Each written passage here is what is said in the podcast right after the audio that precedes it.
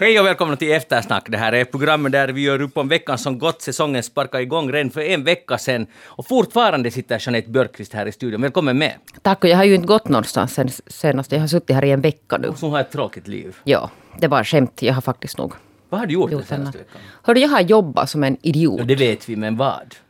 Jag, gör, eh, jag ska göra ett MÅT-program för YLE, alltså den här finska grävande redaktionen, Om vad då? om ett ämne. Som ni kan titta på. Ja, det kommer i slutet av september. Då får ni veta vad det var. Alltså du hör till den här skaran som bara växer och växer, som alltid som påstår att de har hemliga jobb.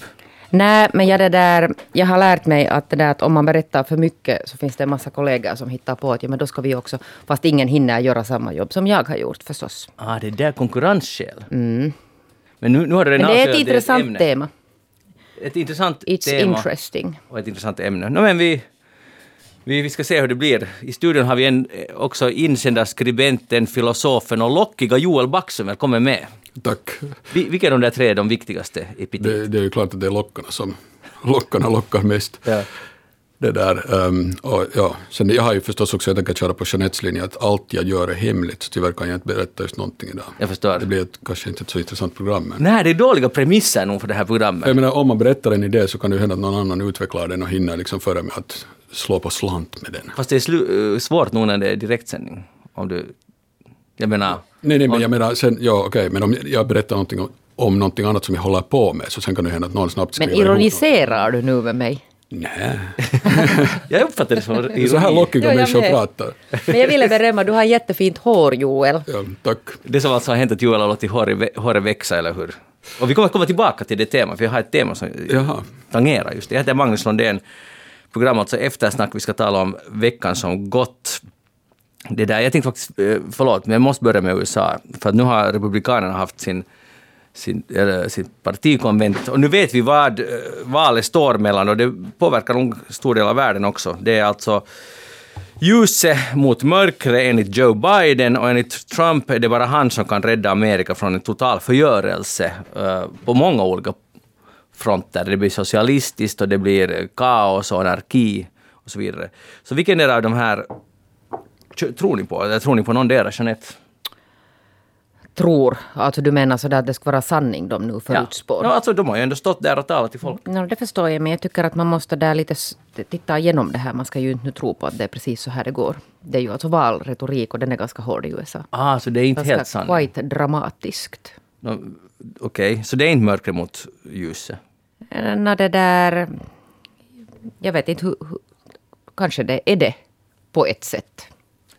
Alltså, tänker du nu hela programmet talar på det där Ja. sättet? Allt det är hemligt och sen är det ena och det andra sidan. Tack! Joel Backström, får vi något svar av dig då?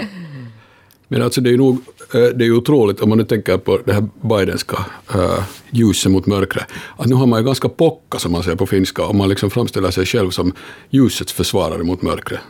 Att det är, och dessutom i en demokratisk liksom inrikespolitisk kamp, att det är inte så att det är Nazityskland som håller på att attackera utifrån. Då, då eventuellt skulle den där metaforen kunna vara berättigad. Men jag menar att och, och om, man vill, om man skulle vilja på något sätt skapa något sorts vettigt demokratiskt samtal inför ett presidentval som man skulle kunna tänka sig, så ska man kanske inte ta till de där, den där sortens bilder. Alltså för det där betyder ju egentligen att det går inte att tala med motsidan, motparten, utan de är fiender. Och vi är, och, jag menar, men är det inte alltid, lite, är det inte alltid alltså lite den tonen i sån här amerikansk politik är ju alltså att det går ju ganska mycket överslag också. Ja. Och sen sånt här att man ska svartmåla den andra. Och, och, Mm. Det har Ja. kanske varit extra mycket nu den här gången. ja, det har det ju kanske nog. Men eh, tycker du inte Joel ändå, om man nu jämför, jag ska säga att i alla fall den värld som Joe Biden målar upp är lite ljusare än den mörka värld som Trump målar upp. Trump målar visserligen upp att hans framtid är också ljus för att han räddar oss från Joe Biden. Så att, i och för sig använder de samma, men att om vi nu tar börjar med det här Joe Bidens ljus mot mörkret, så det är klart att det är lite svårt att se hur otroligt ljus nu Joe Biden är, om han ens kommer att orka i fyra år om han ska bli vald. Men nu, nu presenterar han en ljusare vision av USA och världen än Donald Trump. Ja, no, eventuellt, men jag menar, men om... nej, men jag tycker inte ens det nu är så hemskt självklart, men, eh, men det där, men bara hela den där retoriken, att ställa upp det på det där sättet, att kan man inte istället då diskutera konkreta problem. Att det här är ett stort problem och det, där kan man ju tala om att vi går i en mörk riktning eller någonting sådant. Men, men att liksom på något sätt, det är ju en helt annan sak än att förkroppsliga liksom det där mörkret i, i motståndaren. Ja. Och han talar också om att det att pågår en kamp om liksom USAs själ. Ja. Om, om att... The det soul liksom, of the nation. Ja, soul of the nation. Det, det håller du inte heller med om. Nej, men det, det är bara... eh, Det är ju det att liksom, nu kan det på ett visst sätt så, så stämmer det förstås att det, alla möjliga stora förändringar händer. Nu kan man tala om en nations själ i en viss mening. Men, men det är sen för det första att du själv positionerar dig då som, jag menar, skulle du liksom ha så att säga mage att säga att du talar nu för fi- finska folkets själ, nationens själ och du, du, du försvarar den mot de där vilka då som håller på att förstöra den. Jag, menar, jag tycker att det är någonting som är helt destruktivt i bara att att gå in i en debatt med den där sortens anspråk och på något sätt sådana spiritu- liksom, uh, andliga anspråk. På sätt och, vis. och sen det var ju annars intressant, märk- ni att Bidens tal slutade med att efter att han då just hade talat om att det är kärlek och ljus och hopp är starkare än mörkret, bla bla. Eh, och så slutar han ändå som all- alltid amerikanska presidenter och presidentkandidater slutar med att, att uh, thank you, God bless you and uh, God protect our troops. Det är det viktigaste, alltid att vi ska, vårt imperium ska hålla ihop och vi ska, de ska ha framgång med att bomba främmande raser på främmande platser. Bara sådär, det var nu en kommentar som inte direkt hänger ihop med det Jag, jag, jag, jag, jag märkte det där, jag eh, smålo för mig själv, men det är intressant när han säger det så smål är jag och tänker att han måste säga det. Och när Trump säger det så blir jag lite så störd. Att det är ju intressant att man har sina förutfattade meningar. Alltså jag är inte någon stor fan, fan av Joe Biden, men jag är verkligen inte fan, fan av Donald Trump. Så att jag tror att det är ganska många som, både i USA och i världen, tänker just så där. Nu säger ju alla att Joe Biden, har, om man har haft något att ge, så det mesta är redan gett. Hans tal var ju helt okej, men, men det var ju så under kontrollerade former och, och sådär. I praktiken kommer det säkert det är Harris vi väljer till president. Men har ni annars sett uh, Chaplins Diktatorn, filmen? Ni minns ni den här slutscenen? Där, uh, poängen är ju det alltså att Chaplin då spelat en dubbelroll både som diktatorn Hynkel, alltså Hitler, och sen spelar han en judisk barberare. Och sen i, slut, i slutet så blir han i, i misstag, det sker en utväxling så att han, det är barberaren som står där och folk tror att han är Hynkel och så talar han till folk, massorna, till miljonerna. Och då håller han ett sånt tal som många människor tycker att det är det vackraste som någonsin har sagts för demokrati. Och det är just så här, det är just så här ljuset hoppet och kärleken mot mörkret. Och vi, och, och vi ska förgöra de där, uh, börja, det börjar liksom så, så att säga positivt och så sl- slutar det med att vi ska förgöra de där som är emot ljuset uh, och mänskligheten, de, de omänskliga, de onaturliga, alltså Hynkels anhang. Och sen och folket hurrar på exakt samma sätt som de skulle ha hurrat när Hynkel skulle ha sagt att vi ska för, förgöra judarna. Så Poängen är bara att det är exakt den där sortens, att, att uppmana den där sortens tendenser hos folk. Att vi nu ska vi ut och krossa de där som förstör allt. Så då tycker jag att det är ingen skillnad vem du har sagt att det är de där som krossar Jag förstår. allt det goda. Men om du, om du skulle om du skulle hamna i den olyckliga situationen att du skulle vara där i Bidens ställe, så hurdan kampanj mot Trump skulle du driva då? Skulle du gå på sakfrågorna? det, det tycks jag, inte räcka. Jag förstår ju att det är inte är särskilt lätt att driva kampanj mot någon som Trump som liksom helt enkelt helt förvrider, förvränger och vrider på allt som han har lust. Men, men å andra sidan, kan man, kan man driva kampanj mot honom på det där sättet? då? Jag menar, om, man, om man bara skulle tänka på att vad är effektivt? Varför han kommer helt säkert att plocka upp det här ljus och mörker och, och liksom vrida det på sitt sätt. Att om man, att inte, det går ju inte att vinna om man, eh, och, och om man vinner så vad spelar det för roll om man har vunnit på lika rutiga boliner som han? Så vad spelar det för roll att någon annan har vunnit. Så att, säga, om, man, att hela, om man går med på att hela den offentliga diskussionen förskjuts åt en riktning där det inte finns någon plats för sakfrågor, så då är ju demokratin körd anyway. Så då tycker jag det spelar ingen roll vem som sitter i Men här kan man ju säga att det är Trump som också har dragit in den debatten på den här nivån. Att nu det, han, har, han gör ju vad som helst och ljuger, och det gör ju säkert alla presidenter har alltid gjort, lju- ljugit i viss mån, men nu har han ju helt enkelt helt kallt, överdriver, ljuger, uh, förnedrar. Och det är ganska, jag menar, ingen har ännu kommit på hur man ska, hur ska man bemöta det? Ja. Men, men måste man inte försöka på något sätt? Att bara helt enkelt inte alls, inte alls gå med på att gå till den nivån. Liksom. Jag vet att det var den folk försö- på sätt och vis försökte i början och det funkar inte. Ja. Så här. Men utom att det måste man ju komma ihåg hela tiden att inte, det, inte har det ju någonsin varit så att den här demokratiska diskussionen, varken i USA eller här, den offentliga, är på en hemskt saklig nivå. Utan det är ju tom retorik är det mesta hela tiden. Jag menar, sam- samma med, var det med Obama redan, att han pratade om- med JFK och vem som helst. Det är just sånt här, så här jäkla floskler som folk går på. Så Går du på floskler, Jeanette? Nej, det gör jag nog inte, men det där det gör ju nog många i USA. Men alltså eh, till exempel när Barack Obama höll det där första talet. Ah, ja, ja, Så jag tyckte Change. Jag menar, Change. Det är Ja. alltid så sloganer som Aj, nu fick Jag du tyckte det var jättefint. Ja, du har helt Jag, rätt. tyckte, jag, jag tycker fortfarande, jag, jag fick nästan tårar i ögonen för jag gick på det. Nu förstod jag ju att jag blir lite lurad nu. Men det kändes som att jag blir lurad i ett helt trevligt håll. Åt ett trevligt Och håll. varför behöver du bli lurad om det där hållet är trevligt? Kan de då inte bara Men för att nu, nu, är, nu är USAs president där och talar om slavhistorien och, och alltså nu kändes det riktigt bra. Jag säger att, ja, obs, kändes. Alltså jag menar, det, det är klart, men jag tycker att om vi jämför med Trumps tal, så det han, när han tillträdde, så det var ett extremt, på tal om mörkt, mörkt och aggressivt tal. Och jag Men tycker det är det ändå tycker- jättemycket sämre eh, exempel att det är hit det här landet nu ska vara på väg. Men man med du- flit väljer eh, katastrof liksom. Och Men det finns ju de som går på det också. Alltså någon annan, någon annorlunda människa tyckte att det var helt extremt bra. Ja, ja, förstås. Så är det ju sen. Mm, så är det Jeanette.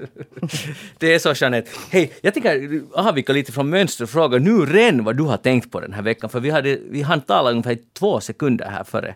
Ja, och Berätta. sa jag. No, jag måste berätta, att för nu började det kittla i min näsa igen. Alltså jag har så här psykosomatiska grejer har jag drabbats av alltså. Och det som hände häromdagen på bussen var det att jag fick plötsligt, bara för att jag visste att det är tre hållplatser kvar innan jag är hemma, så började det kittla jättemycket i min hals och jag fick helt sån panik att jag kan inte börja hosta i den här bussen. Och det var jättesent och det var en lång dag. Men trots detta så hoppade jag av alltså så fort jag kunde. För att jag, jag kan inte stå kvar i den här bussen och hosta, att jag kommer att bli stenad. Och så steg jag av och så hostade jag två gånger och så hoppade jag på nästa buss och böt den. Eh, och nu när jag kom alltså in här på YLE för att här är jätte, jätte stränga regler så börjar det alltså kittla i min näsa fast jag alltså inte egentligen har något symptom på någonting. Men det blir så här liksom att, att jag har börjat få sån här nervositets på något sätt uttryck. Men nu läste jag alltså det där i Dagens Nyheter har en psykolog analyserat det här, för jag är tydligen då inte ensam eh, om det här att det här liksom psykologiska på något sätt, mekanismen i, i människor har förändrats under den här corona. Och det liksom tar sig uttryck i en massa saker. Bland annat alltså då helt konkret det här med att, att, att fast man, hur, hur var det han sa, att, att fast man, man ska alltså få, ett, få en apelsin fastnar i halsen så kommer du inte att börja hosta på en buss, att du får hellre ut liksom och hålla på och kvävs.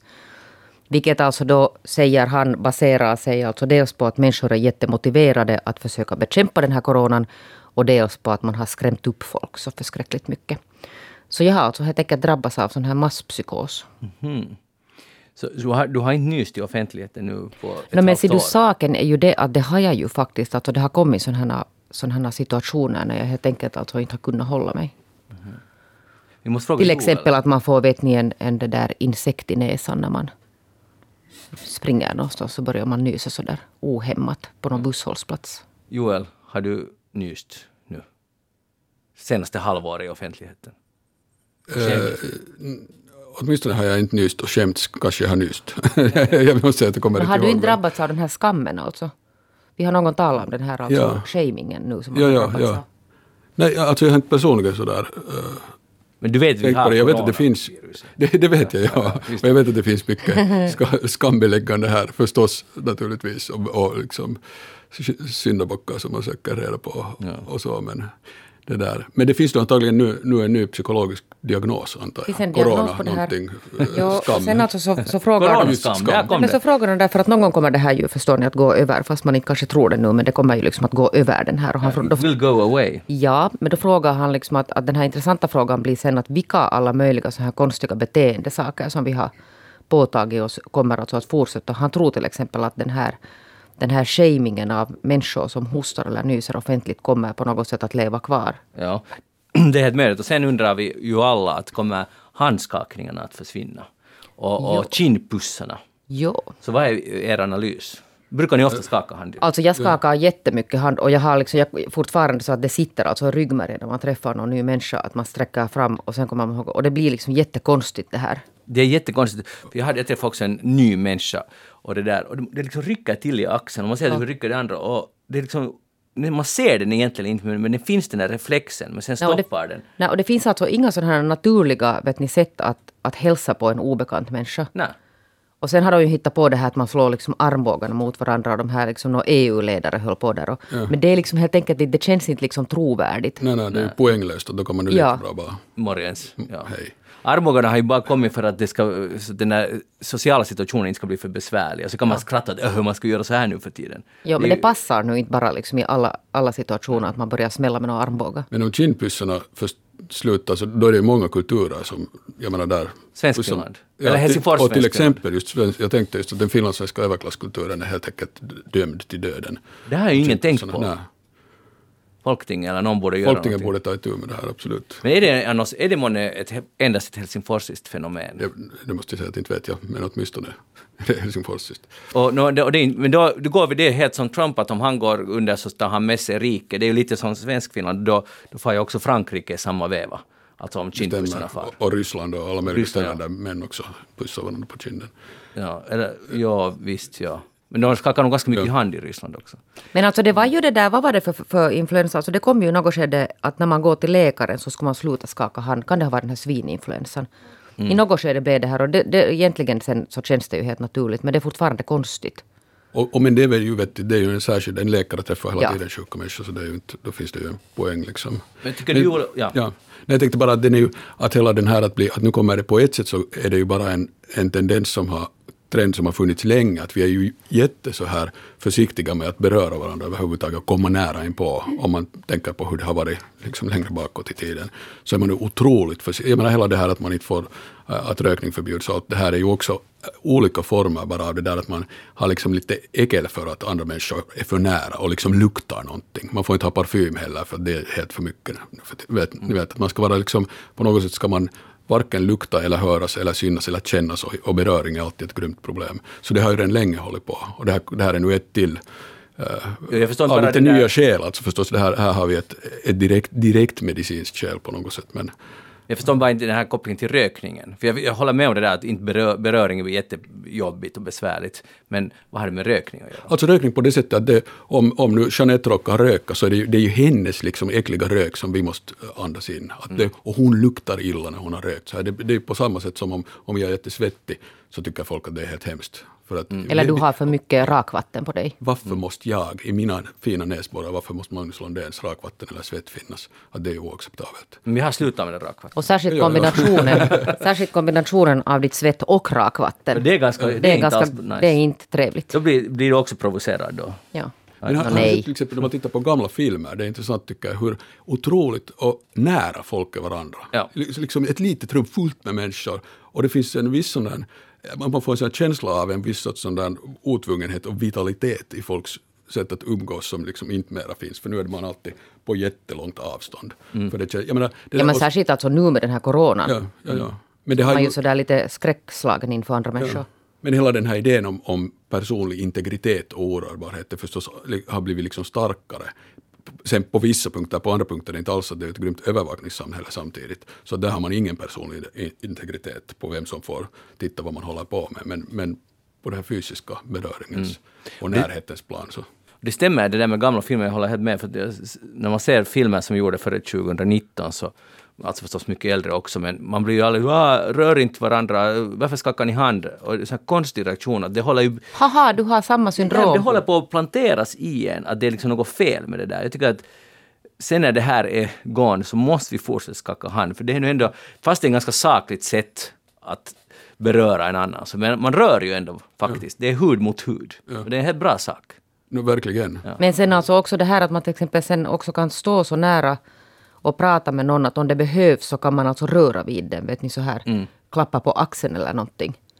Sån här, för det är ju det som jag saknar på något sätt. Jag är jätte sån här fysisk människa. Jag tycker om att röra mina vänner och, och i vissa liksom situationer så vet jag att, att människor behöver beröring. Ja. Men tror, det här är det intressanta, det som du tog upp alltså. Kommer det här, när man möter någon i mm, parken till exempel, så står man, alla ställer sig ju nu för tiden liksom två och en halv meter från varandra och hojtar till varandra så här.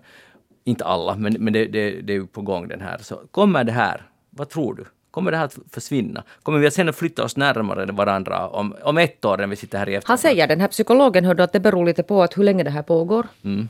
Och det där, sen beror det förstås alltså på hur de här, eh, liksom hur myndigheterna fortsätter att tala om det här. Att om man på något sätt fortsätter upprätthålla någon slags sån här passiv rädsla i alla fall så kommer det ju att ta jättelänge. Och sen kanske vi, inte vet jag, kan vi någonsin återgå till det, det som vi hade före? Joel? Ja, nej, inte, inte vet jag alltså hur det kommer att gå. Man kan ju tänka sig båda vägar. Något. Att folk får, har ett grymt behov av att komma närmare varandra igen och beröra sen när man så att säga börjar få efter att vaccinet har hittats på eller någonting. Eller sen att det just blir en eh, att det blir bara ett nytt, det nya normala. Man mm. tänker inte alls på vad man förlorar där. För förstås, det är ju, jag menar om man tänker på riktigt, en värld där du inte får beröra en annan människa överhuvudtaget. Så det är ungefär det värsta man kan tänka sig. Och, det, och fysisk beröring är ju inte att det ska vara helt löskopplat från hur man annars förhåller sig till en människa. Att ta distans, hålla sig på avstånd, det betyder ju liksom både någonting andligt och mentalt och något själsligt och någonting helt fysiskt. Och de mm. hänger ju ihop på något sätt. Men det finns ju det här att när man tar det här fysiska avståndet så blir det ju på något sätt också någon slags här psykologisk mekanism där. Att man liksom fjärmar sig från den mm. andra. Ja. Som blir alltså jätteunderlig. Men sen å andra sidan så, uh, människan har stått varandra, liksom sina vänner nära, alltså fysiskt, uh, länge. Och det här är en, vi hoppas att det blir en ett eller ett och ett halvt års, max två års period i mänsklighetens historia. Det här. Och det har varit tidigare pandemier också. Och nu har vi fortsatt skaka hand efter dem också. Men kramar du till exempel dina vänner nu? Uh, ja, jag har nog gjort det, ja. ja. Säkert mindre än tidigare, eller helt klart mindre än tidigare. Men det, det är som, alltså ibland tycker jag det är helt skönt om det är sån här uh, halvbekant, alltså man, då är det lätt att liksom bara ställa sig på två meters avstånd och säga hej. Så blir, och då tror alla det är corona, inte för att man inte nu tycker att det är så jättekiva att krama alla människor. Så, så att ibland tycker jag det är helt behändigt. Och sen om man det där inte orkar vara jättelänge i något sällskap så kan man lite sådär nervositetshosta där så blir du livrädd och springer iväg. Då, då, då, är, då, är det, då är det brist på vänner i det skedet. Ja. Mm. Yes, uh, vi går vidare.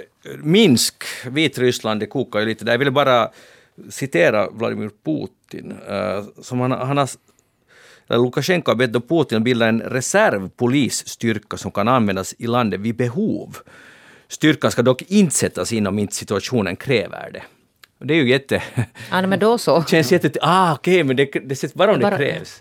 Så det där, vad tror ni, kommer det här bli någon form av sån här quasi inte invasion, men någon sån där beställd invasion. Att Lukasjenko beställer in lite ryska trupper. Va, va, vad säger ni? Och sen säger Putin, jag ser ingen anledning, anledning att hymla.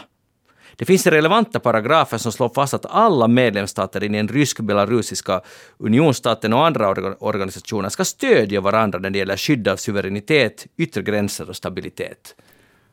Ja, åtminstone har man ju då Putin klart meddelat här att, kort, att optionerna är öppna. Ja. Och sen får man, beror det väl på vad som sen konkret hur utvecklingen går, att blir det eller blir det inte. Men att de är klara att ta till en invasion. Men Or Orwell skulle nog ha varit stolt över den här formuleringen. Ja. Att för att skydda suveräniteten så måste vi invadera ett grannland. Alltså skydda det landets suveränitet så måste vi invadera. Ja. Men det är ju det som är liksom den moderna tidens gissel. Att, det, att man måste alltid, inte kan man ju någonsin säga att nu får vi bara ta över det där landet för Nej. att vi vill ha deras olja eller någonting. Utan man ska alltid säga att det är för att vi vill hjälpa dem och skydda deras suveränitet eller uh, befolkningens mänskliga rättigheter. Så det är på det sättet så systematiskt förljuget allt, som, all, all, allt vad stater gör i modern tid. Tidigare var det ju så att de bara for och tog. Ja. Så, det var menar, ärligare. Det var ärligare, men förstås lika hemskt är det ju att du mördar folk och, och säger att det är bara för att vi vill ha era resurser. Eh, eller slavar eller någonting. Um, så att inte, inte det, på ett sätt är det inte bättre, men det är, det är en annorlunda situation. Att nu måste man alltid låtsas att det är i största välmening och för att man bryr sig om andra. Mm. Jag tycker särskilt om den här Putin när han börjar bry sig om områden och det där saker och, och så här så, så då känns det ju jättetryggt. Det känns tryggt. Bara han inte bjuder oss på te. Ja, nej, här te ska man kanske inte nu dricka där. Eller okej, okay. i viss mån kan man säkert dricka te fortfarande. Men nu, alltså det spekuleras, det har varit debatter och allting om att det kommer, nästa flyktingvåg kommer att komma från Vitryssland ifall att det skulle bli en invasion. Det här är nu att gå ganska, händelsen ganska i förväg, men att samtidigt uh, det här är ju en möjlighet. Jag undrar nog om det ska faktiskt gå, gå som en, who knows. Så att, att vi sitter här efter att corona är avklarat så näst, börjar nästa stora EU-kris och det är då flyktingar från Vitryssland och en fullständig katastrof riktigt i grannskapet. Vitryssland är ju väldigt nära Finland till exempel och EU, vid EUs gräns och så vidare. Så där, där finns ganska mycket. Du, är det något Joel du funderar på? Ryssland går in eh, Ja, nej, inte, alltså, vi har inte följt med alls, alls situationen i Vitryssland sådär på allvar, så jag har inte något, jag menar, jag håller med vad du just sa, att, att här kan det bli hemska saker. Det kan vi väl säga att det är inte bra det som pågår där nu. Det där, eh, jag läste Radio Extrem har en helt rolig intervjuserie med, med det där... Vad har nu den här artikeln? Med John Wikström. Alltså, det vill säga man frågar olika, känd, olika kändisar frågar andra kändisar eh, om, om tio frågor. Och så ställdes frågan till Wikström, för detta biskop. Ja, det är bra nu så att han är inte biskop utan han är kändis, det är därför man har frågat. Ja, no, ja, no, men det är säkert för att han har varit Ja, biskop. ja. I alla fall, att hur är det nu med liv efter döden? Va, vad tror du att händer? Och då svarar han, i alla fall i en artikel, jag vet inte. Och jag tycker att det var nu, sen kommer han att, att, att om man har en, att han tror att det väntar något gott, så här säger jag, det vet jag inte. När jag var biskop blev folk ibland upprörda över att jag sa det så. Men det här är för mig en ärlighetsfråga. Jag tror att det finns något gott som väntar oss om vi lägger, om vi lägger vårt liv i Guds händer. Men vad det betyder i- detalj så vet jag definitivt inte. Det finns en förväntan att en präst eller biskop ska ha ett svar på denna fråga, men det har jag inte. Nu Joel, har du svar på frågan? Vad händer efter att vi dör? Ja, men det här hör till de där sakerna som nu är hemliga. Att jag inte säger det nu. Jag ska först publicera mina rön. så att inte någon annan...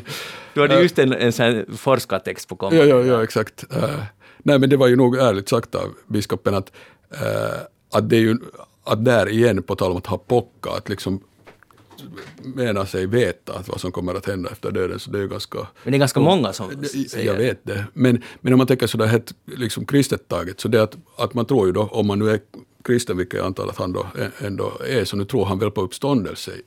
Jag menar det är ju eh, det är väl liksom eh, det löfte som den kristna religionen ger bland andra löften. Att det ska bli en uppståndelse, men, vad, men hur ska någon veta vad det betyder? Jag menar, vad kan man, alltså sen kan man ha vi- vissa sekter och så där har ju några jättespecifika idéer om att det blir sen precis så här och så här. Men det är ju på något sätt helt enkelt idiotiskt. Medan uppståndelse så kan man väl bara tänka att, det, att i, i någon mening så finns det något, att livet tar liksom ett slut vid döden och det är någonting eh, som är så eh, stort och gott att vi kan inte föreställa oss vad det är. Men det kallas uppståndelse. Så någonting sånt kan man väl, inte vet jag exakt vad det sen betyder att tro på det, men någon sorts, ett hopp om någonting. Som, Men, men jag tycker det var ett bra svar det här. Och, men sen när man hörde på ett sommarprat, nu är jag jätteledsen för jag kommer inte ihåg vad hon hette, men det var en ehm, kvinna som hade varit med i Jehovas vittnen, hela familjen hade varit med. Alltså hon är säkert, jag vet hon har varit intervjuad tidigare och känd i det, men jag är ledsen, kommer inte ihåg vad hon hette, men hon finns på Svenska Yles sommarprat. Och hon berättade då om när hon gick gick och knackade dörr med sin pappa, och det var ganska gripande det där sommarpratet, när när, om någon smällde igen dörren, så då vräste pappan sen åt sin dotter som var redan med ungefär när hon var fem år, att den här människan, kom- den där människan kommer att brinna i helvete. Att man ser det när han gör, gjorde sådär. Och, det, och när man blir liksom ständigt hjärntvättad av det här, sådana här påståenden, att hela omvärlden, alla, e- e- också hennes klasskompisar kommer alla att brinna i helvete för de är inte nu med i Jehovas vittnen och så vidare.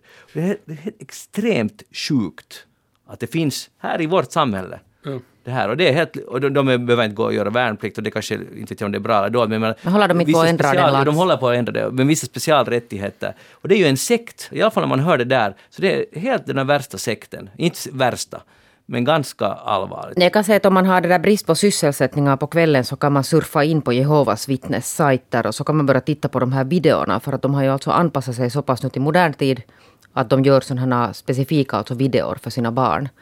Och de kan man roa sig med att titta på att vad är det för slags alltså det där budskap de håller på det där hjärntvättar sina barn med. Där är till exempel en video där jag har alltså tittat ganska mycket på de här. Och varför det? No, för att jag är lite det där, eller inte så lite heller, utan ganska fascinerad av sådana här alltså, Mm. eh, samfund, vad man nu ska kalla dem. Men där är till exempel, no, Det här är en sekt, i alla fall när man hör henne Jo. och har läst om det, så det är en sekt. Vi Jo. måste vara tydliga med det. jo, och jag kan säga att det där, det här, deras alltså det här sättet att hantera sin barnuppfostran är inte helt okej. Där är alltså till exempel, alltså bland många, många, många exempel, eh, en video där ett, ett barn får någon sån här action figure, vet ni, någon sån här leksak. Och så handlar den här, lär, den här lärdomen då i den här videon, för den här pojken blir jätteglad för han har ju liksom inte några sån här liksom, andra likadana leksaker som sina kompisar i skolan. Men sen kommer då Jehova att bli väldigt arg och så talas det om att brinna i helvete. Och sen det där slutar det med att den här pojken ändå trots allt vill att Jehova ska vara glad och så slänger han bort sin action figure. Det är liksom sådär och koncist det, och det var just så- alltså, precis så här resonerar hon. Ja. För att hon hade fått en inbjudan till ett kalas, födelsedagskalas av någon klasskamrat. Och hon höll den här lappen så kär, hon höll den i sin hand men, tills hon visade att pappa, för, för hon visste att Jehova ändå ser och att hon tänker på det glaset, vill gå på glaset, men sen måste hon ändå liksom så att säga, berätta att pappa, nu har hon fått en inbjudan, så ska den ungefär brännas upp eller vad det nu ska göra. Så hon måste tvinga ut de där tankarna ur sitt huvud för att Jehova hör och ser och vet allt, vad, också vad man tänker. Och tänk att leva i den där terrorn. Och hon, hon bara, att barndomen blir ju förstörd av det där. Ja, och sen måste man komma ihåg att de här barnen kan ju inte ifrågasätta det för att man är alltså helt indoktrinerad i allt det här. Precis. Utom sen då den här kontakten man får alltså till, via skolan till exempel till sådana här världsliga familjer. Ja. Men de är alla sådana som ska bränna, kommer att brinna. Ja. Ja, och sen om man, om man vill på något sätt alls ta avstånd från det så blir man ju sen utfrusen från, Totalt. ofta från, från hela, Det hände med henne, hela gemenskapen och från sin familj. Att det, är också, det är ju också, på tal om att det nu ändå de väl också, liksom andra kristna eh, samfund talar om nästa kärlek och sådär, så skulle man ju tycka att det är inte hemskt kärleksfullt mot sina barn. Att helt enkelt klippa av banden till dem totalt om de går emot. Och det, här, det fanns ett svar också för det, för det, den här kvinnan hade hoppat av tillsammans med sin syster. Och jag tror att det var så att mamman också kom, eller kom med och sen gick mamma tillbaka. Men det motiveras alltid det här med att man klipper av barnen, det är för de där andras bästa. Förstås. Att det, liksom, det finns också en godhet i det att, vi, att vi, helt enkelt- de blir noll, icke, befin, alltså, icke-existerande personer, det är för deras eget bästa. Ja. Att vi räddar dem på det sättet. Ja, ja, och igen, det har man ju alltid sagt Ja. förstås. Därför har man bränt kättare på bål i tiden. För deras eget bästa, för deras själsfrälsning. Och sen förstås samtidigt skyddar man resten av de troende mot att kätteriet ska spridas. Så, men och igen, annars, det är nu viktigt att komma ihåg att det är ju inte Jehovas vittnen som är de enda som håller på med sånt här. Nej. Det finns en massa andra sekter och det finns sekterism, den där sortens tänkande finns i alla möjliga sekulära sammanhang där inte religion alls behöver komma in ens. Ja, men, vilka men skulle religion vara? Vilka skulle det vara? Vilka sammanhang? Alltså jag, jag, jag är säker på att du har rätt. Men Ja, no, utan att gå in desto mer på det så, eh, så skulle jag säga att mycket, till exempel en del antirasism idag har den karaktären. Att det är en sekt? Eh, No, alltså det är ett sekteristiskt sätt att tänka, att man vill inte ha ja, någonting att göra med människor som säger vissa saker. Det är ja, ett, ja. ett fel ord räcker för att du ska aldrig bli inbjuden någonstans eller man ska inte ha någonting att, att göra med dig. Den sortens attityd bara. Och den finns menar jag på en massa olika ställen. Och igen, antirasism är bara ett exempel och det här betyder inte att all antirasism är sån, utan i den, eh, den sortens eh, snack så kan det också ofta finnas en sån attityd. Så här som under Black. Lives Matter, alltså att många, eh, som min dotter visar, var, jag menar jag är ju själv på sociala medier, men den sortens här memes som, som skickades omkring, att, eh, att om du inte gör, om du inte gör aktivt någonting mot rasismen så I have no problem unfriending you. Den sortens attityd. Alltså som du skickar till dina egna vänner.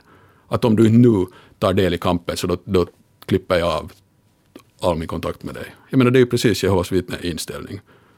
Och det, kan, det är inte, liksom, inte för att man har gjort något direkt fel utan bara att man måste nu gå ut och ta ställning också på sociala medier annars så är det slut. Jag menar att det tycker jag att är en helt hemsk inställning till sina, till sina medmänniskor och till sina vänner oavsett igen i namn av vilken ideologi Ja, det är ju extremt inskränkt. Ja. Det, det, det, håller jag med om. Men alltså skillnaden är kanske ändå den att det är inte så formaliserat, det finns inte liksom tempel för antirasister där man ska gå och, och, och, och man- går och ring, vad heter, ringer på dörren och, och förkunnar att den här människan kommer att brinna i helvete som inte nu lyssnar på oss. Att, att nu, nu finns det ju otaliga saker som inte, man samlar inte in pengar på det sättet. Alla Eller liksom idka sån här, alltså helt alltså organiserat sån här, alltså i vissa fall psykisk misshandel mot sina barn.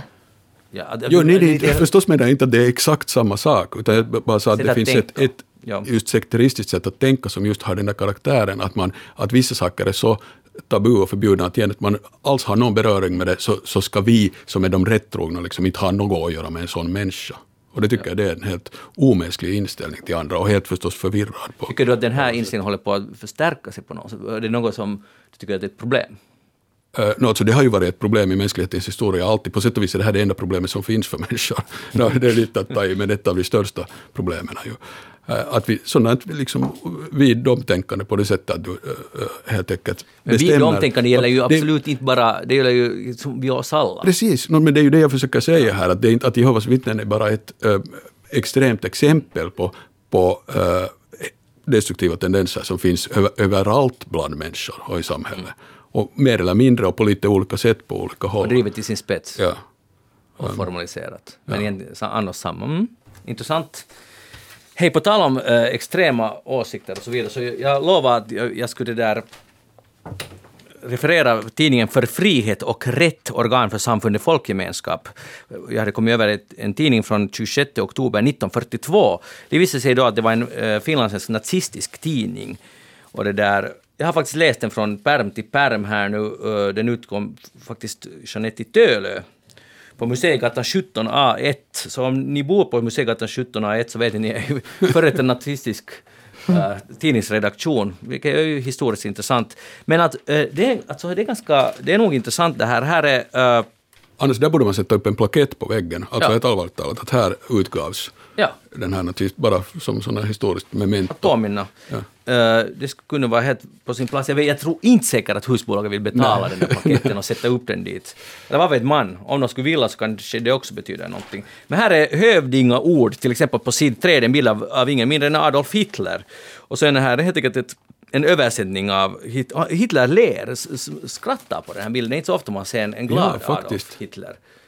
Han ser riktigt trevlig ut hövdingaord, och här är då citerat och, och den här Bertil Gripenberg, är, eh, nej Gunnar Lindqvist är redaktör, men här har också Bertil Gripenberg skrivit här i tidningen. Så finns här en jättearg artikel om, om de dansande eh, judarna som du också...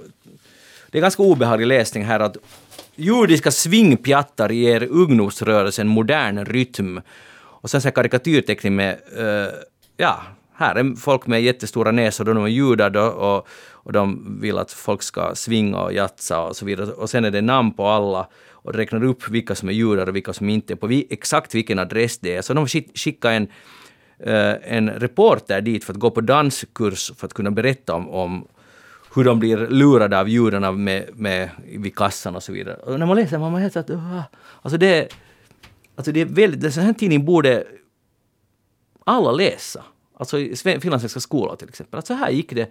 För en liten del av befolkningen tänkte så här. Och ja. kanske, ja. Där, har du någonsin Joel läst sådana här motsvarande blaskor? Eh, nej, faktiskt alltså inte, inte något. Jag visste inte att den där har funnits ens. Eh, så jag lånar den gärna av dig. Men jag har läst eh, Mein Kampf nog och sådär. Mm. Så att jag har ju läst nazistisk litteratur. Och det är intressant läsning. Eh, på många sätt. Men sen är ju en viktig sak där också, på tal om lite eh, det här samma som med Jehovas vittnen, att det är ett extremt exempel, men att, att sånt rasbiologiskt tänkande äh, var ju inte alls förbehållet nazisterna. Jag menar, det måste man ju alltid minnas och det tenderar folk att glömma. Det var ju helt allmän, äh, alltså både i Finland och Sverige och USA på en massa ställen, egentligen över hela, hela Europa så var det ju alltså helt dominerande idé att det att det finns raser och att man måste antingen hålla dem isär eller åtminstone se till att den egna rasen äh, hålls i skick eller förbättras. Jag menar, Sverige hade ju sitt rasbiologiska institut och tvångssteriliserade över 60 000 människor. Finland tvångssteriliserade 4 000 eller vad det var på, på 20 och 30-talet och vidare och efter andra världskriget. Mm. Som är helt, liksom, lika, det grundtänkande är lika hemskt som, och egentligen det samma tänkande som, äh, som nazismen. Men det på något sätt talar vi ju väldigt mycket mindre om det, fast folk nu, om man alls vet någonting, känner man till att det fanns någonting sånt. Men att det är alltid igen att nazisterna får bära liksom hundhuvudet och förstås på det sättet de gjorde värre saker än någon annan. De här rasbiologerna tidigare hade ju inte gassat ihjäl människor Eh, utan det var nazisterna som började med det. Men däremot kom ju hela idén, Hitler var ju, han beundrade den rasbiologiska eh, eugeniska rörelsen i USA, som då hade redan infört, det var ju lagligt att tvångssterilisera då svagsinta och asociala element och så här. Och det var, det var alla respektabla människor i USA var för det, liksom i Sverige var alla från högern till vänster. Det var inte alls en, en partipolitisk fråga utan Socialdemokraterna och Bondeförbundet och de här och Liberalerna, alla var lika mycket för att det är klart att vi ska tvångssterilisera svagsinta och andra, för annars kommer de att förstöra äh, den sunda svenska äh, rasen. Mm. Och här är lite samma, här finns en artikel, rubriken Några ord om rasvård. Ja. Och där är det just att när man gör det med djur och med hästar och, och hundar så nu är det dags att, eller vi ska, att föräldrar, alltså att kolla vem som är lämplig att bli föräldrar. Ja är det viktigaste man kan göra för nationens fortbestånd. Ja, ja, ja man ansåg att det, att det är en så viktig fråga med tvångssterilisering. Att det, eller därför måste man ha tvångssterilisering, för man kan inte, den är så viktig den här frågan att man kan inte låta en enskild människa själv avgöra sådana saker. Utan det här måste, sådana beslut måste fattas med, med rasens, folkstammens äh, intresse framför ögonen. Och, och, det är ju jätteviktigt att komma ihåg just att det här var inte bara någon liten galen eh, något så marginalfenomen. Utan respektabla människor, det var den respektabla opinionen då. Och det här är inte länge sedan. Ja, men då borde man som vanligt alltid tänka på, för det här pågick, du sa 20-30-talet också efter det, det här tänket. Ja, i Sverige till exempel så var det på 50-talet som det var, man tvångssteriliserade mest. Vilket är ju helt sjukt att man också, man tänker ju vanligen att det var så att ja, före kriget och sen kom nazisterna och då insåg man hur farligt sånt här tänkande är. Men det är inte alls sant, eller jag menar, det är inte på något entydigt sätt sant, utan man fortsatte tänka sådär efter att nazisterna hade fallit och efter att koncentrationslägren, dödsfabrikerna hade avslöjats. Så in, inte ens det fick folk att tänka efter. Vad gör vi nu då, i 2020? Alltså för det är klart att det finns något jätteupprörande med det samhälle vi nu lever i. Vi vet alla att det finns många saker som är upprörande, men sådär helt i grunden, man om 50 år, att sitter det i någon dåvarande, eller kommande eftersnack och, och, och suckar över oss att ingen såg det här, det fortsatte bara trots det och det. Och vad är det vi nu händer? Det här skulle vara en ganska intressant ja. Jag tycker att en sak som jag, det där är helt, som jag är helt säker på att det kommer att skrivas historia om, är det att vi tillåter alltså människor att dö i Medelhavet. Mm. Utan det är på något sätt, de är såna liksom ansiktslösa, avhumaniserade människor. Det är alltså tiotusentals människor som har drunknat där. Och sen sitter man liksom och funderar på att hur ska vi förhålla oss till det här och var ska vi nu grunda liksom mottagningscentraler och bla bla. Och hela tiden dör, alltså det drunknar människor. Sen hade vi den här pojken, minns ni? Eh, som för, det är nu något år sedan, jag minns inte exakt vilket år det var. Men då blev världen på något sätt sådär att det här är ju helt förskräckligt, den här döda pojkkroppen som hade flutit uppåt. Mm. Och sen glömde vi det och så visslade vi och gick vidare. Mm. Jo, jo, det är ju klart att det är eh, en sak. Och, och, men sen om man tänker på mer, mer så direkta fortsättningar på just så här rasbiologiskt tänkande, så det finns ju nog minsann eh, inom, eh, inom, eh, eller baserar sig nu, uttrycks nu för tiden i termer av eh, rön från genetisk forskning och, och idén om att man ska liksom förbättra människan med genetisk och neurologisk mm. manipulation. Och det är ju en helt, nu för tiden efter så talar man förstås inte om att för, förbättra rasen, utan det, det är liksom låter sådär trevligare att man ska förbättra individer. Men, den, men nu finns det ju i grunden på något sätt samma sorts tänk om att det, det skulle vara viktigt att skapa en, någon sorts, eh, liksom, en bättre människa. Ja, och när man en gång ger sig in i det där, så det finns ju inte ett slut. Det finns absolut inget slut på det. Och fosterdiagnostik är en annan sak. Att tidigare, att nu behöver man inte mörda de där barnen för man låter inte dem födas alls. Barn som ska ha Downs syndrom eller något sånt. Men det är ju exakt samma tänkande förstås. Att, det, att sådana här människor är inte värda att leva. Vi är livsodugliga. Jo, och sen, men sen talar man, för det där, jag har alltså, redan jag skrev för många, många år sedan så gjorde jag ett stort reportage om det här, för det talades i samband med den här fosterdiagnostiken om livskvalitet. Ja. Det är sådär att, jag menar, att, att det finns liksom ingen livskvalitet för liksom vissa typer då av, av det där, liksom vad man föds med för problem. Och så åkte jag alltså ut och så tillbringade jag ganska mycket tid med alltså sådana som helt säkert skulle alltså av många idag alltså rensas bort innan de föds. Mm. För att liksom utreda att vem är det som definierar att vad är livskvalitet? Mm. Att vad är livskvalitet? Att inte har ju liksom någon den här absoluta sanningen. Det finns inget liksom, jag menar, livskvalitet, det är ju en subjektiv upplevelse.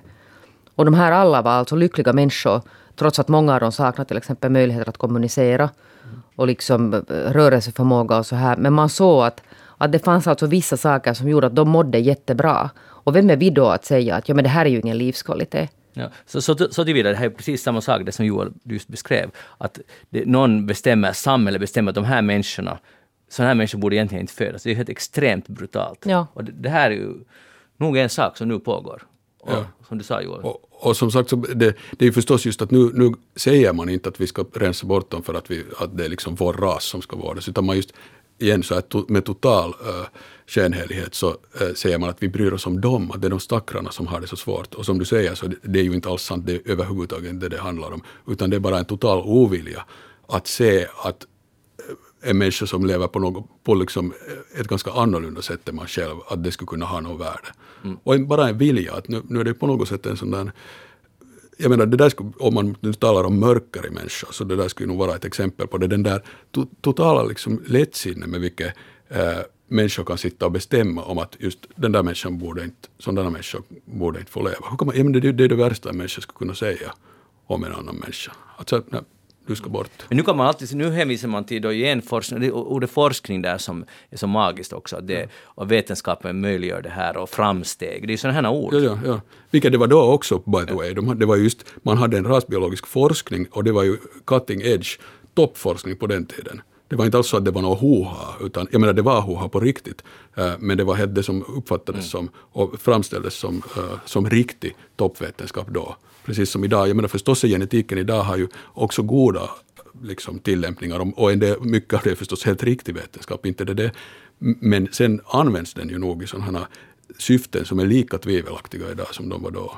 Eh, och, och tänk när man på riktigt börjar experimentera med folk, hur fruktansvärda saker det kan Eh, leda till. Alltså när, om, sen, när man börjar, för det är ju helt klart att det, det är på kommande. Det, om, om vi inte börjar tänka på ett helt radikalt annat sätt så finns det nästan ingenting man kan sätta emot att genmanipulation börjar komma in på, på liksom i, i, stor skala, också när det gäller människor, och, och neurologisk manipulation. Olika, för det finns en sån grundmurad, så idiotisk tro på vetenskapens saliggörande makt.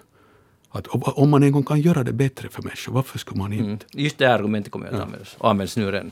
Hey, jag tänker hoppa över till lite lättsammare, också från 40-talet, Månadsrevyn, Helsingforsjournalens månadsbilaga.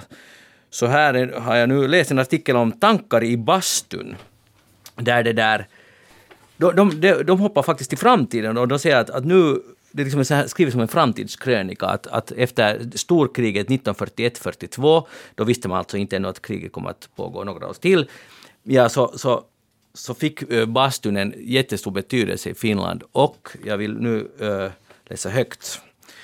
Det här alltså handlar till exempel om år 2020. Man har byggt hela komplex med föreläsningssalar promenadhallar, vinterträdgårdar, konsertsalar, matsalar och vilorum utsmyckade med de härligaste konstverk och allt detta med bastun som medelpunkt. Framtidens människor har upptäckt att de är mest mottagliga för det goda och sköna efter ett besök i bastun. Därför ägnar de sig nu med hänförelse åt filosofiska samtal åt musik och måleri och åt livets djupaste kulturella värden under aftnar som föregåtts av besök på laven, där man först tillräckligt uppmjukat sig med kvastning och ånga. Ja, Joel, är det, är det här den framtiden som blev det så här? No, vi har ju en massa, eller nu vet jag inte hur det är coronatider får, får man säkert inte gå i de allmänna bastuna heller, men de, de har ju fått ett uppsving redan. Ja, så exakt. Att, äh, men jag inte vet, jag, jag menar, bastu är ju bra, vad som helst är bra där man äh, om det finns eh, liksom, sådär institutionaliserade rum där det inte är meningen att man ska prestera eller åstadkomma någonting. Eller, att det är inte som på en uh, puntis, vad heter det på svenska? Gym. Ett gym.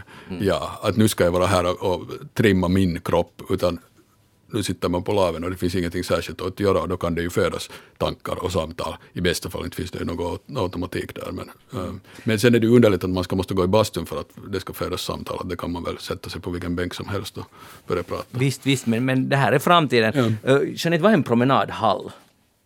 Jaha, absolut. Men du är från framtiden, du borde nog veta. Ja, just, just det, ja, ja, men vi är ju alla i framtiden nu. Promenad, vad skulle det kunna vara en promenadhall? Det måste ju vara någon sån här köpcenter. Ja, Var annars går promenerar man alltså inomhus. Precis. Ja. Men, inte men de är inte riktigt sådär att de uppmanar till eftertanke. Eller man, man får nog ganska mycket per... De kunde ju inte för, men de kunde ju inte förutse allting. nej, nej, det gick lite fel. Promenadhallen kom men dess Eller kanske det var den här... Det blev sen parkeringshallar istället för promenadhallar. Ja, det blev det ju nog. Och sen är det just så att det finns vinterträdgårdar liksom i pluralis, att det finns fullt av vinterträdgårdar med bastun i centrum. Det, så mm. blev det ju inte. Men jag tycker ju lite om deras den här framtidsvision. Jag önskar att de skulle ha haft lite mera rätt där. Ja. Mm till exempel om det ska finnas bastu på Trippla, alltså det är helt i centrum där, det är nog ganska långt ifrån sanningen. Det blev nog inte helt så. Nej, det blev det ju Skulle du gå i en sån? Nej, nej, bastu är för mig en mycket privat sak. Aha, du går bara med familjen? Och så. Jag ska vara bara där i vid Saimen. Det är liksom mm. det enda som duger. Just det, Joel. Helst ensam. Filosofiska samtal efter bastubadande. Ja, absolut, men var som helst. Det får vara vid Saimen eller... du är redo. i trippla. Men skulle du gå i trippla? Nej, jag, skulle inte annars, nej, jag har faktiskt tänkt att man borde fara på exkursion dit till trippla. Nej men alltså sådär bastu, alltså ser du sådär att det skulle finnas i något shoppingcenter, så någon bastu, så skulle du gå till den? Vitsen, det är nog det sista jag skulle göra. Ja. Alltså i shoppingcenter. För det är, så, det, det är från två världar. Den ena är den härliga bästa världen, den andra den värsta världen. Och de här ska, jag, jag ser inte ett möte mellan de här två. Nej. Så jag är lite på Simon-linjen med ja. Jeanette. Men han avslutar i alla fall den här eh, skribenten att den som lever får se. Och vi lever ju ja, nu. vi lever och ja. vi fick se. Det är en intressant perspektiv att tänka att man faktiskt att vi lever hela tiden i framtiden. Ja. Alltså att... Ur det här perspektivet. Ja. ja. Eller i hens perspektiv. Ja. Det är underskrivet uh, synonymen Benedikta, så det kanske är en en hund då. Där ser vi. Så, så mycket vet vi sen. Så mycket kan vi nu också sia om hur det ser ut sen om Ja. 60 år. Promenadhall, ja det, det var nog, hoppas någon, om någon lyssnare vet vad en promenadhall är så skriv in på facebook.com eftersnack och berätta åt oss andra så vet vi sen. Julia, läste i kvalitetstidningen Aftonbladet. Jag började tänka på det, här är en 92-åriga Nguyen Van Chen från Vietnam. Han, eh, han har en, eller det är svårt att gissa, men han har en fem meter lång vadå? Kanot. Vänta lång, vadå? vadå? Okej, och det här är då inte ett, ett snuskigt skämt. Nej, det är inte ett snusk. Jag sa en kanot. Nej, han har inte kunnat, och det är någonting han inte har tvättat på 80 år. En Det är matta. fortfarande inte ett snuskigt skämt. Det där. En matta. Det är därför den har vuxit sig Titta, så jag långt. försöker. Men det är ett försök att styra in debatten till något sak. Det är helt rätt. Nej, det är inte en matta. Uh, fem meter lång, en fem Och det är ett rep. krokodil. Som inte tvättat på 80 år. En krokodil. Nej, hans hår. Hans hår. Han har en, han har en, liksom en dreadlock som är fem meter lång. Han, har- han har inte klippt den sedan han gick i skola. Och, och jag tänkte på det bara när du en gång hade kampanj du inte tvättar håret mera. Just det, och nu börjar jag få de här lockarna dessutom Ja. redan, så jag är på väg åt det där fem meters hållet. Ja. Men har du bör- började du sen, alltså det blev aldrig en uppföljning på det här, men började du sen tvätta ditt hår med shampoo Ja, sen började jag, för att jag blev sen övertygad av någon, eh, någon gång jag var hos en, hade en ny barberare och hon svetsade mig så hårt att det här blir nog ingenting. Så började jag tvätta mitt hår. Och jag hade då faktiskt, det, liksom, det kändes inte sen så bra. Det, I något skede blev det för mycket. Jag tänkte att det blev på något sätt för smutsigt så det kändes, det kändes bra först och sen. Det var ju alltid, all, all den blyet från avgasen och Ja, allt ja, det det där. är det att just om man ska vara på landet kanske det ska vara annat. Men, Sa hon liksom hur ditt hårbotten såg ut? Gav hon någon analys?